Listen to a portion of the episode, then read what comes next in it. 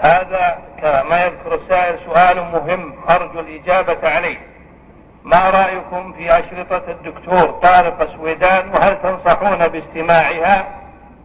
أنا أنصح باستماع الأشرطة المفيدة. من أي إنسان كان. وأحذر من استماع الأشرطة غير المفيدة. من أي إنسان كان.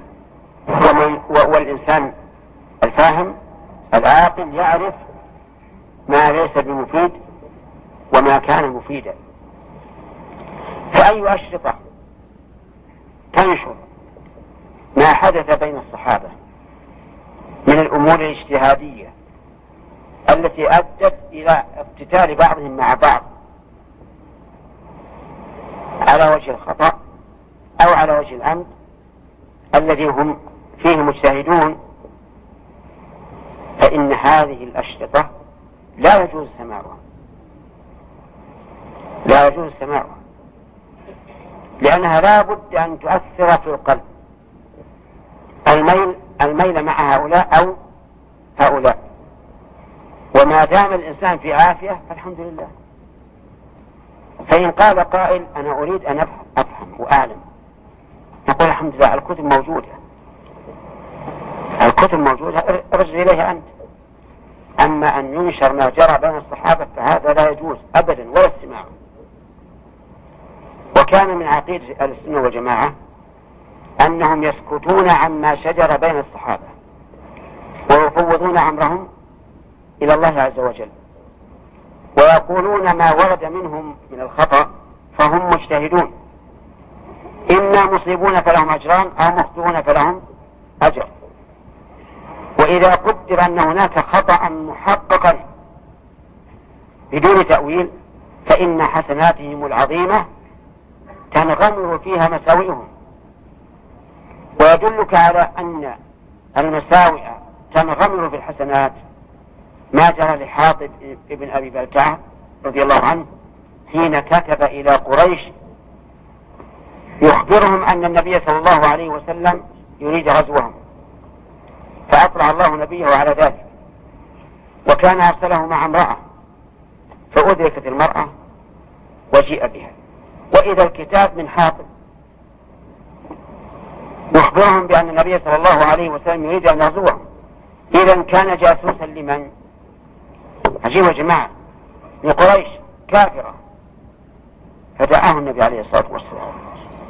فقال ما هذا؟ يا حاطب فاعتذر بعذر قبله النبي صلى الله عليه وسلم.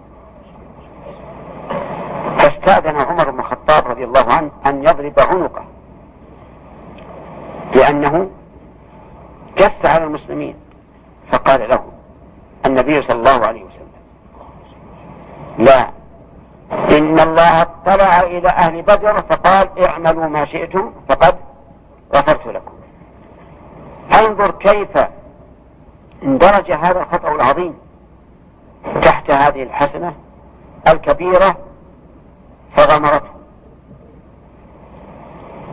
إذا كان هذا حكم ما جرى بين الصحابة أنهم إما مجتهدون. والمجتهد إما مخطئ وإما مصيب. فإن كان مخطئا فله أجر. وإن كان مصيبا فله أجران. وإما أنهم غير مخطئين بل متعمدون لكن لهم من الحسنات الكثيرة من الجهاد مع رسول الله صلى الله عليه وسلم وحمل الشريعة الإسلامية إلى من بعدهم وغير ذلك من الحسنات العظيمة التي تنغمر فيها إيش؟ مساوئهم. وإذا كان كذلك فما بالنا ننشر المساوئ الآن؟ أليس هذا يحدث إما أن يحب فلانا دون فلان أو فلانا دون فلان؟ بلى والله يحدث هذا. فلا يجوز نشر مثل هذه ال آه الأشرطة ولا الاستماع إليها. هذا هو الضابط. سواء كانت من فلان أو فلان. كذلك أيضا يجب أن نحترز غاية الاحتراز أن نسمع إلى قول من ليس من أهل الاختصاص فيما يقول. فمثلا لو جاءنا رجل فقيه وصار يتكلم بالتاريخ. لا نثق به تمام الثقة. لماذا؟ لأنه ليس من اختصاصه ونثق بصاحب التاريخ الذي هو دونه في الفقه لأن التاريخ من عجب يا أخي من اختصاصه فكيف إذا كان المتكلم بهذه بهذه الأشرطة ليس.